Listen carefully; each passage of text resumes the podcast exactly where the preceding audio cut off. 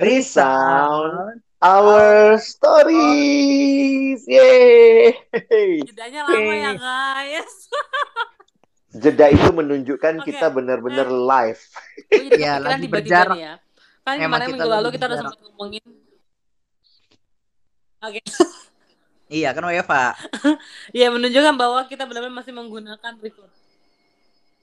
Oke. Nih, kan minggu lalu kan kita ngomongin tentang friend with benefit, ya kan? Terus sekarang Hmm, tuh gua kepikirannya gini deh. Kemarin kan kita sempat bilang kalau misalnya friend with benefit itu sama dengan perselingkuhan yang dipermanis. Eh, perzinahan yang Hmm. dipermanis. Pokoknya intinya seperti itu deh, ya kan? Nah, tapi gimana dengan orang-orang yang misalnya kayak gini? Ini secara khusus nih Bang, lu lihat nih ya, uh, fenomena yang sekarang tuh terjadi kayak gini. Itu dia nggak apa-apa deh dia tukang selingkuh.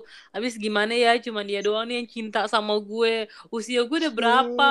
Ntar gue ditanyain sama keluarga kapan nikah, kapan nikah. Jadi kayak yaudahlah apalan tanggung, udahlah terima aja mana tuh nanti dia berubah. Nah itu gimana tuh bang? Nih gue bukan ngomongin tentang friend with benefitnya sih. Kayak usia gue kan sekarang udah 28 tahun nih. Ya ampun gue kasih tau lagi usia gue.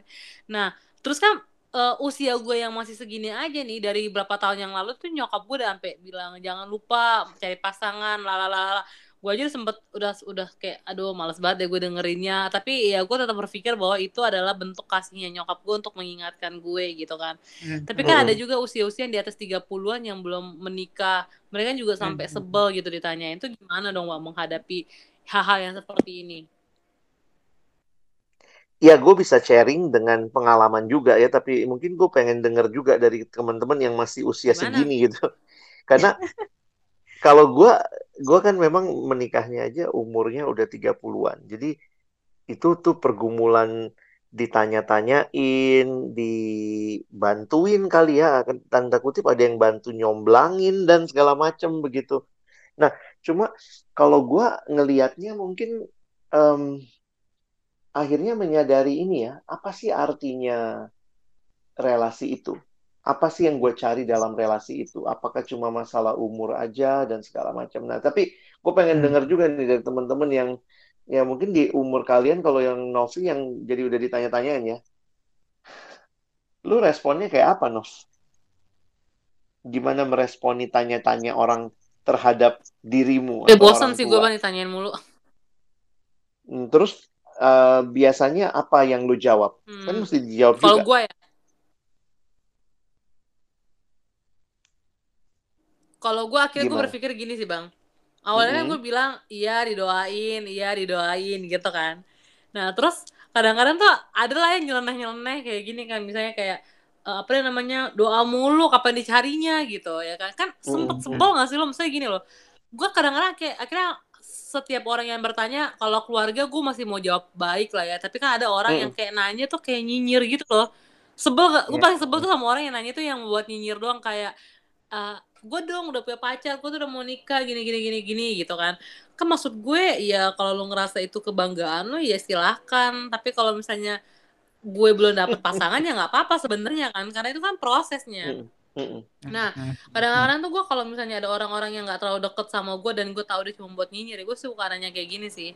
Lo sebenarnya care atau eh, cuman mau kepo doang? Gue sekarang jawabannya gitu sih jadinya. Jadi kalau misalnya dia jawabnya karena gue care, oh ya udah kalau gitu doakan terus ya untuk gue bisa menikah, gue benar gue dapet pasangan. Tapi kalau misalnya dia jawabnya ya cuma kepo doang, gue akan jawab kayak gini sih. Kalau kepo doang eh, ngapain lo tanyain? Misalnya tujuannya apa? Biasanya dia, dia diem gitu maksudnya. Hmm. Rata-rata sih orang kan nanya kayak gitu ya. Ini, ini karena budayanya kita juga sih kalau menurut gue salah satu budaya kita adalah suka nanyain hal yang nggak esensi. Iya nggak sih? Kayak lu nanya, ngapain sih lu Atau nanyain kayak basa-basinya itu gituan kali, gitu. Nov. Ya, Itu basa-basi. basa-basi. heeh.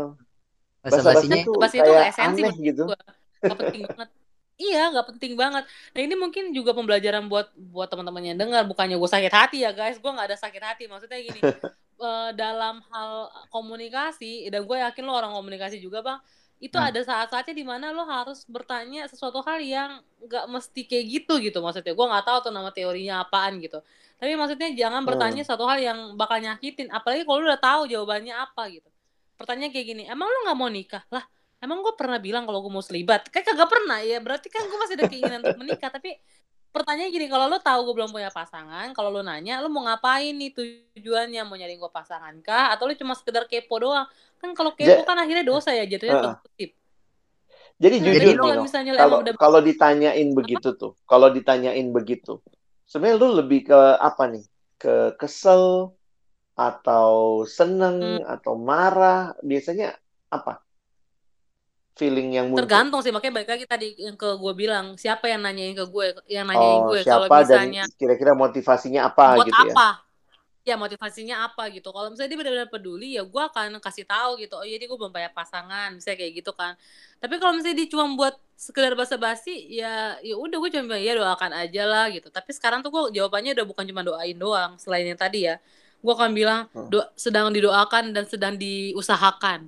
Karena kan kalau Yes. balik lagi di Alkitab ya, bukan cuma sekedar berdoa doang ya, tapi kan lo harus mengusahakan segala sesuatu ya. Tapi mengusahakannya bukan dengan friend with benefit, guys. Tenang aja.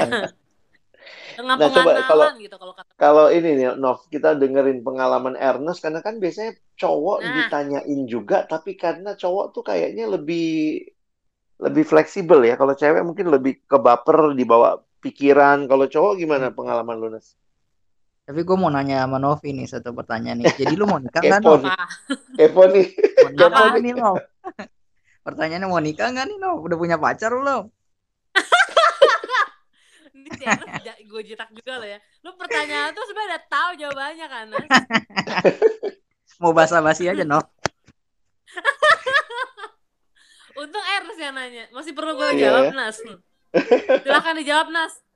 Kalau eh kalau gue ngelihat pertanyaan ini ada beberapa layer ya. Kalau dari sisi orang tua gue ngelihat mungkin mungkin dia punya kerinduan supaya anaknya hidupnya bahagia kayak gitu. Kenapa? Karena eh mungkin berpikir waktu lu punya pasangan lu bahagia kayak gitu atau Hmm. atau salah satu cara mendapatkan kebahagiaan buat lu yang adalah anak gua yaitu dengan mendapatkan pasangan hidup yang di mana Hmm. lu akan merasa dicintai dan mencintai seperti itu atau satu sisi dia juga ingin eh, punya bayi lagi bukan bayi ya cucu kayak gitu ya untuk untuk untuk dimomong dan lain sebagainya. Jadi ada kerinduan ada beberapa layer. Nah tapi untuk dari sisi orang yang ditanya gue juga jadi ngeliat tuh ada beberapa layer juga yang terjadi kalau sampai bosen seperti itu. Entah karena dia merasa ditanyain gitu tertekan entah merasa dia seperti direndahkan kayak gitu karena kok lu nggak nggak nggak nggak nyari nyari sih kayak gitu. Atau lu nggak laku. Nah itu kayak mem- mempertanyakan harga diri. Nah itu. Gue ngelihat hal-hal mungkin ada hal-hal yang seperti itu juga. Nah cuman kalau menurut gua eh, beda-beda sih memang ya. Cuman kalau gue pribadi kayak gitu yang sebagai laki-laki gue satu sisi lebih tenang ya. Eh karena menurut gue lebih mudah laki-laki untuk mendapatkan ketimbang perempuan. Kenapa? Karena laki-laki memang kelihatannya tuh lebih senang hunting, mencari eh, ketimbang perempuan tuh. Perempuan kan rada susah tuh untuk mengungkapkan perasaan karena memang culture-nya di di eh, timur kayak gitu di di bagian timur dunia bukan eh, nggak nggak nggak terbuka itu harusnya laki-laki yang inisiatif harusnya laki-laki yang yang mencari dan lain sebagainya perempuan tuh tinggal nunggu aja dan lain sebagainya nah itu culture-culture yang ada di di negara kita. Nah itu nabil. Jadi gue satu sisi kalau kalau eh, belum menikah di atas 25 tahun di satu sisi lebih tenang eh, sedikit gitu ya. Walaupun Hmm. mungkin ada pertanyaan-pertanyaan. Eh, tapi kalau kalau dari diri gue sih ya gue sih nggak ada yang nanya ya karena nggak terlalu banyak yang nanya. Karena memang orang tua gue kan udah nggak ada dua-duanya gitu ya. Jadi nggak ada yang Mm-mm, nanya mm-mm. sama sekali. Cuman gue mikirnya begitu sih. Satu sisi gue bisa kapan aja kok milih. Karena gue laki-laki gitu tinggal gue cari kayak gitu deketin ngapain sih pakai ya memang tipikal orang beda-beda ya ngedeketin orang kayak gitu ya. Gue Mm. bukan tipikal orang yang suka suka lama gitu ya. Kalau gue emang mau deketin ya deketin kayak gitu. Nggak nggak pakai kode-kode eh, yang nggak nggak nggak yang susah ditangkap kayak gitu atau yang yang yang halus banget sampai orang juga bertanya ini maksudnya apa sih kayak gitu cerita temannya Itu maksudnya jangan apa PHP itu namanya. Iya, gue gue gue sih berpikirnya gitu ya. Cuman emang kenapa juga sih kalau nikah di atas umur 25 atau 30? Karena satu sisi ada kelebihannya juga eh, ketika kita hidup single. uh, dalam artian tuh kita bebas um, tanggung jawab belum bertambah kayak gitu tanggung jawab belum bertambah lu bebas mau pergi ke mana aja lu bebas mau mau berteman sama siapa aja lu bebas punya teman dekat yang lawan jenis siapa saja ada banyak pun juga nggak masalah seperti itu ya. Tapi bukan yang with benefit yang kemarin minggu lalu kita bahas kayak gitu. Tapi bener-bener lu bisa cerita curhat mencurahkan hati lu kayak gitu ke teman lawan jenis lu eh, nggak uh, masalah asal lu kasih batasan tetap bagi gua kayak gitu gue selalu gitu kok kalau gue punya teman dekat uh, perempuan uh, gue akan selalu bilang kita teman. Itu karena gue gua ngerti nih kita makin lama makin dekat uh, makin makin sering berkomunikasi makin kenal kayak gitu. Gue ngerasa cocok dia ngerasa cocok karena kita sahabatan. Tapi gue bilang kayak gitu. Dan dia juga statement juga uh, uh, akhirnya. Gue draw line-nya. Gue bilang kalau ya kita temenan. Seperti itu. Gue nggak mau persahabatan kita nih rusak hanya gara-gara masalah uh, romantis-romantisan yang yang gak jelas kayak gitu. Nah itu yang menurut gue uh, perlu sih. Nah itu hmm. sih jadi menurut gue tuh ada satu sisi keuntungannya ketika kita single, lu bebas mau pergi ke mana aja, belajar apa aja, kejar mimpi lu setinggi tingginya karena lu masih belum banyak tanggung jawab. Karena ketika nanti lu udah menikah, punya pacar, punya pacar dulu, menikah kayak gitu, itu itu lu akan uh, bertambah tanggung jawab seperti itu. Nah, gue nggak tahu tuh Bang Alex gimana tuh tanggung jawab di dalam pernikahan tuh. Pasti bertambah juga kan? Beda kok sebelum lo belum punya pacar dan nikah gitu. Hmm. Kalau pengalaman gue ya, eh, akhirnya gue ngelihatnya selalu ada dua faktor eksternal sama internal. Yang mm -hmm. bisa kita kontrol itu yang internal, bukan yang eksternal. Karena eksternal hmm. itu ya apa kata netizen, apa kata dunia, apa kata orang tua, apa kata jadi dengan segala motivasi, ada yang motivasinya memang baik, merhatiin kita, ada yang cuma sekedar kepo, ada yang nggak tahu kalimat basa-basi jadi itu kalimatnya begitu ya. Tapi hmm. unik sih, setiap budaya tuh punya kalimat basa-basi dan budaya kita tuh kalimat basa-basinya tuh yang nggak enak tuh itu tuh eh belum belum merit gitu aduh kenapa gitu. dia nggak nanya yang lain ya bang ya kayaknya tuh nyakitin karena mulu karena kita menempatkan keluarga sebagai sumber kebahagiaan kalau aku lihat itu budaya kita melihat keluarga tuh sumber kebahagiaan jadi hmm. hmm. orang yang belum berkeluarga dianggap akan sedih hidupnya yeah. jadi wow. itu itu kayak udah membudaya sebenarnya agak unik ya kayak sebenarnya kayak orang Inggris ya orang Inggris tuh kalau ketemu kalimat bahasa basinya apa Kira-kira ada yang tahu? hmm, gua nggak tahu. Cuaca. Cuaca. Iya, How's yeah, the weather? Nah. Gimana hari ini? Jadi lucu kan, asal lu ketemu, padahal lu dari pagi juga udah duduk bareng atau udah sama-sama di bawah matahari, tapi akan ngebahas cuaca sedikit. How's the weather gitu. Makanya mereka tuh sangat gila sama uh, weather forecast.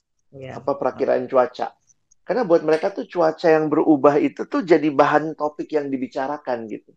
Hmm. Mereka bisa tahu suhu pagi ini gitu. Terus kemudian iya tadi pagi waktu waktu sekitar jam 4 itu chillnya dia turun sampai suhu segini.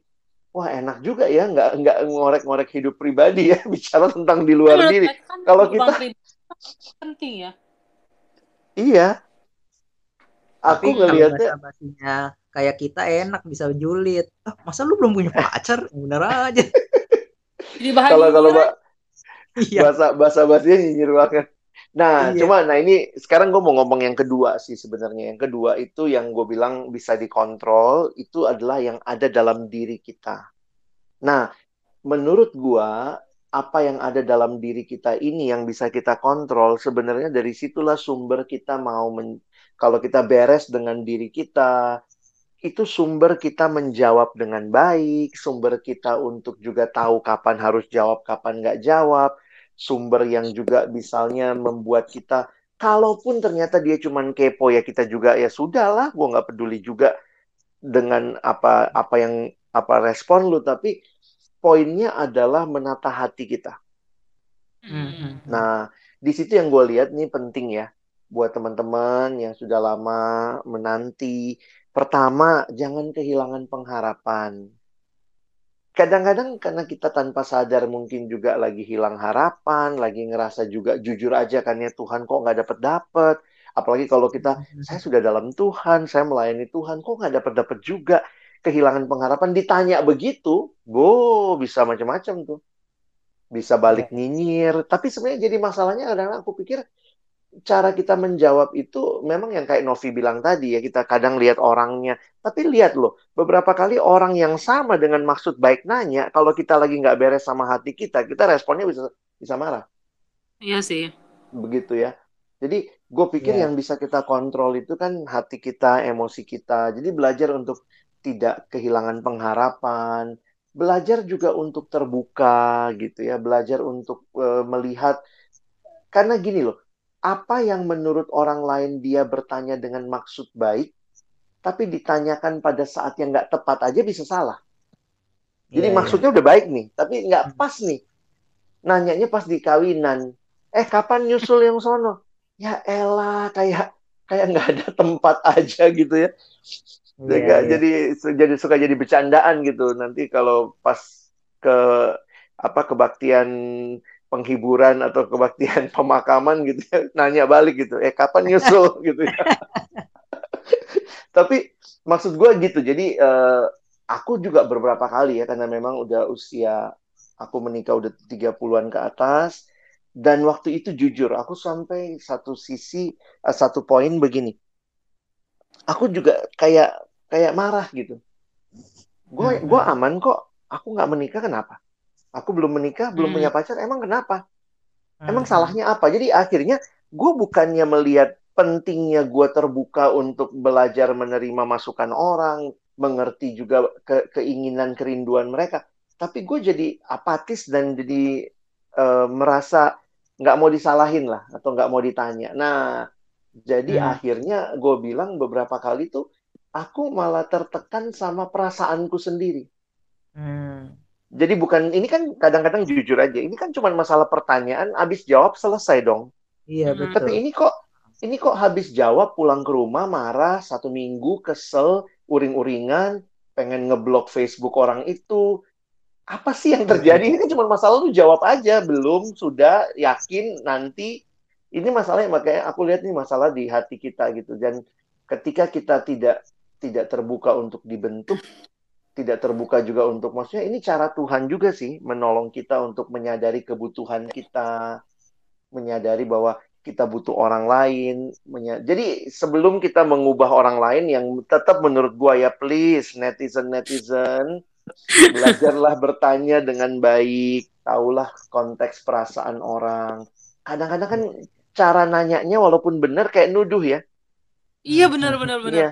Kayak nuduh kan kayak kok belum dapat Terus kenapa gue udah coba Baru juga? Tahu, nah, jadi itu ini kompor sih Ernest. Tapi kira-kira gitu sih, mungkin nasihat gue karena begini, lu lu selama lu masih tinggal di Indonesia dengan budaya kayak begini, pertanyaan kayak begitu bakal tetap akan lu hadapin. Baik yang memang kepo kata Novi maupun yang benar-benar tulus mau nanya dan mungkin mau bantu gitu. Hmm, hmm, hmm. Gitu sih kalau dari gua. Ya kalau misalnya bantu sih nggak masalah ya guys. Ya tapi kalau misalnya dia cuma kepo doang kan, ya kayak tadi bang Alex bilang gitu. Lo kalau nanya tuh perhatikan uh, perasaan orang yang ditanya. Tapi orang yang ditanya juga ya jangan langsung baperan. Kenapa lo nanya-nanya? Iya. Ya lihat yeah. ya sopan juga sih jawabnya. Mending jawabnya tuh kayak kalau gue Dan itu yang gue bilang, gitu. Nov kadang-kadang kan ini masalah jawab menjawab tapi kok gue gue keselnya bisa seminggu ya? Oh itu berarti gue nggak beres sama hati gue hmm. dan iya termasuk ya termasuk termasuk kita pun kayak tertekan dengan konsep culture kita yang mengatakan menikah itu bahagia. Nah itu hmm. kan cara memahaminya bagaimana? Sehingga akhirnya juga orang tua dengan maksud yang baik tetapi kemakan culture story menikah yang terbaik sehingga anak dipaksa menikah, siapa pun dijodohin, tapi ternyata habis menikah anak dipukulin atau apa kadang-kadang gue pikir yeah. uh-huh. apa apa bahagianya gitu. Nah, bahagia itu dalam Tuhan bukan karena merit nggak merit gitu. Jadi orang yang tidak menikah, belum menikah bisa bahagia nggak? Bisa. Kalau dia hidup di dalam Tuhan. Karena kebahagiaan itu di dalam Tuhan ya. Uh-huh. Jangan dibalik bukan menikahnya itu untuk bikin bahagia. Kalau menikah untuk bikin bahagia, dari TK saya suruh kamu merit supaya bahagia, Iya, gitu ya. Enggak, tapi dari kecil, dari TK ya kita ajarin pengenalan akan Tuhan. Karena itu sumber kebahagiaan sejati. Jadi memang ini kayak teori, tapi ini realitanya. Karena ternyata dalam hidup kita akan selalu berhadapan dengan pertanyaan orang untuk, ayo dong, gue pengen lu bahagia. Ini belum lagi nih kalau nanti tanya pertanyaan untuk orang yang belum kerja. Sekarang kerja di mana? Udah kerja atau Iya, belum? Wah, itu bisa sangat menekan itu. Hmm. Begitu. Apalagi dalam kondisi kayak sekarang ya. Iya. Benar, benar. Kayaknya sensitif banget nanya pekerjaan gitu ya. Jadi lu kerja di mana Nov sekarang? Ya masih sama nih terus di perkantas Masih ya? sambil punya usaha lain. Asik. Nah, punya usaha lain menarik tuh. Oke, jangan kita bahas dulu sekarang itu akan kita bahas di topik minggu depan. Teman-teman masih pada penasaran gitu ya untuk menanti-nanti. Ah, ah, ah, ah. Nah, Sansan akan ngebahas apa lagi ya di minggu depan gitu, ya kan? Iya, mesti Nah, begitu jadi- dong ya. Benar banget. Nah, jadi teman-teman mungkin conclusion dari Bang Alex kali ya, Bang Alex sama Ernest setelah dari gue nanti ke Ernest, Ernest nanti Bang Alex sambil sambil sampai nutup gitu kan ya. Eh, kalau menurut gue sih jadinya ya kayak tadi gitu. Eh boleh nanya, misalnya buat orang-orang yang pingin kepo gitu ya boleh, tapi jangan sampai cuma sekedar kepo atau enggak jadi kayak ngejudge orang lain gitu kan. Misalnya kayak lu nikah dong, kalau nikah tuh lu pasti bakal bahagia. Eh, jangan mohon maaf nih, jangan kayak gitu ya. Lu nanya nanya dulu, boleh. Tapi yang buat di, yang ngejawab juga ya jawablah dengan sopan, dengan baik gitu kan. Jangan sampai kayak tadi Bang Alex bilang jangan sampai apa sih namanya eh, kemarahannya tuh berlama-lama sampai kepahitan gitu itu juga nggak bener sih menurut gue. Tapi ya jawab aja gitu, jawab sesopan mungkin, sebaik mungkin dan ya anggap aja gitu mereka care sama kita, masih ada yang nanyain itu membuat kita jadi mengusahakan, bukan mengusahakan ya, berusaha untuk tetap terbuka dan mencari bahkan berdoa Hmm. lebih dalam ke Tuhan. Tapi jangan sampai jadinya kayak dendam. Apa sih lu nanya-nanya mulu gini gini gini gini. Ya, ya udah gitu. Nggak ada hal yang bisa kita kontrol dari luar sana yang bisa kita kontrol ya hati kita sendiri. Nah, oke lanjut ke Ernest. Nov, Nov, boleh nanya nggak sebelum lanjut ke Ernest? Apa nih? Jadi kalau kalau orang ketemu sama lu, lu pengennya kalimat basa-basinya apa dong? Nanyain apa? Gimana usaha lu, Nov? boleh, boleh tuh. Gimana usahanya, Nov? Lancar atau enggak gitu. Lu mau beli atau enggak nih gitu ya. Kalau Terus dia nanya gitu, Nov, dia nanya, gimana usaha lu lancar? Oh, udah banyak dong duitnya. Kok belum menikah? Balik lagi. Intinya tuh nggak usah nanya-nanya kayak gitu. Kalau nggak nanya kayak di orang Inggris aja, Bang. Gimana cuaca hari ini? Wah, ya. Terus dia, dia balik lagi, cerah-cerah kok masih sendiri? Iya. Itu emang dianya aja nyinyir berarti kayak emang Gue kebayang ya, gitu. Nes, orang-orang Iya, iya. Indonesia, orang Indonesia apa pun percakapannya baliknya ke situ. Iya ke situ terus iya betul betul. Baliknya ke situ terus. lagi, iya juga ya. Ending Nas, endingnya ke sana walaupun kalau- Kalau kalau si Ernest lu pengennya ditanyain apa kalimat basa-basinya? Apa ya? Udah kaya apa belum? Oh, udah kaya kok masih sendiri? Yang penting gua kaya. Aduh, ya ya ya, oke oke, itu intermezzo ya. Lanjut, Nas. Iya iya. Apa ya? Kal- Kalau gue ini sih, gue tuh eh, nggak pernah sih ya, bukan nggak pernah ya. Jadi gue bagi gue ya, gue sendiri kal- kalimat basa-basi gue tuh nggak yang kayak gitu tuh. Jadi eh, kenapa? Gue akhirnya sadar tuh kenapa gue nggak mengeluarkan kalimat basa-basi yang kayak gitu tuh, kayak eh, udah udah punya pacar belum? pacar lu siapa dan lain sebagainya. Karena eh, kurang lebih apa yang gue tanyakan biar kata itu basa-basi itu tuh berasal dari prinsipnya gua juga atau beliefnya gua juga karena gua waktu gua tanya Hmm. bahasa basinya itu udah punya pacar belum emang kenapa juga kalau dia udah punya pacar gitu loh? Kalau dia belum lu mau nyariin? Kalau dia udah lu mau kecewa atau mau gimana sih? Kayak gitu. Nah itu loh kayak gitu. Jadi eh, bagi gua sih eh, nggak usah nggak usah tertekan. Tapi gue pribadi pun kalau bisa nggak cari kalimat basa-basi itu jangan yang yang seperti itu. Seperti itu yang yang sensitif sensitif atau yang personal personal begitu. Itu kan masalah eh, personal orang ya entah nanti kalau udah udah nikah pertanyaannya eh, beda lagi tuh udah punya anak atau belum Hmm, Nah, betul. berkembang terus tuh pertanyaannya. Nah, emang kenapa juga sih kalau kalau belum punya anak? Nah, itu sama tuh seperti yang tadi Bang Alex bilang sih. eh, punya anak nggak punya anak kayak gitu atau punya pacar nggak punya pacar masih single atau udah nggak single kayak gitu tetap bahagia kayak gitu. Memang kenapa juga kalau nggak single? Kenapa juga kalau seandainya gue nggak punya anak dan lain sebagainya? Kenapa juga? Kenapa juga? Nah itu sih kayak gitu. Jadi bagi gue eh, keba ya sama seperti yang bang Alex bilang sih kebahagiaan nggak ditentukan dari kondisi yang saat ini kita punya kayak gitu. Karena eh, yes ya kita kan suka denger ya lu bisa beli tempat tidur tapi lu nggak bisa beli tidurnya kualitas Hmm. tidur itu nggak bisa beli. Uh, kondisi bisa jelek kayak gitu yang menurut orang lain nggak menguntungkan tapi lu bisa membuat itu uh, hati lu tuh jadi bahagia. Bagi gue tuh hidup di dunia harus bahagia. Bukan karena bahagia kondisinya mendukung lu bahagia tapi hati lu tuh harus bahagia. Kalau enggak tuh lu hidup sengsara. Seperti itu. Nah nah itu yang yang perlu uh, uh, bunga apa yang mau gue bagikan lah seperti itu Hmm. Oke. Ya, jadi apa ya? Ini makin menunjukkan kepada kita bahwa sebenarnya eh, kalau aku jadi makin merealize ya, jadi sadar bahwa setiap cerita, setiap kultur, setiap budaya punya cerita kebahagiaan. Dan sering kali itu tanpa sadar ternyata tercermin ya dari cara kita bertanya, cara kita berbahasa basi. Seperti yang Ernest bilang tadi ya, awalnya ditanya kan biasanya gitu ya udah kerja belum? Atau kalau kuliah kuliah di mana? Kampus apa? Jurusannya apa? Dengan harapan yang ditanyakan nanti lebih jauh lagi nanti lu kalau kerja bisa dapat duit banyak apa enggak? Udah punya apa aja waktu kerja? Termasuk dalam relasi Di usia sudah menikah sekarang. apa belum? Mm-mm.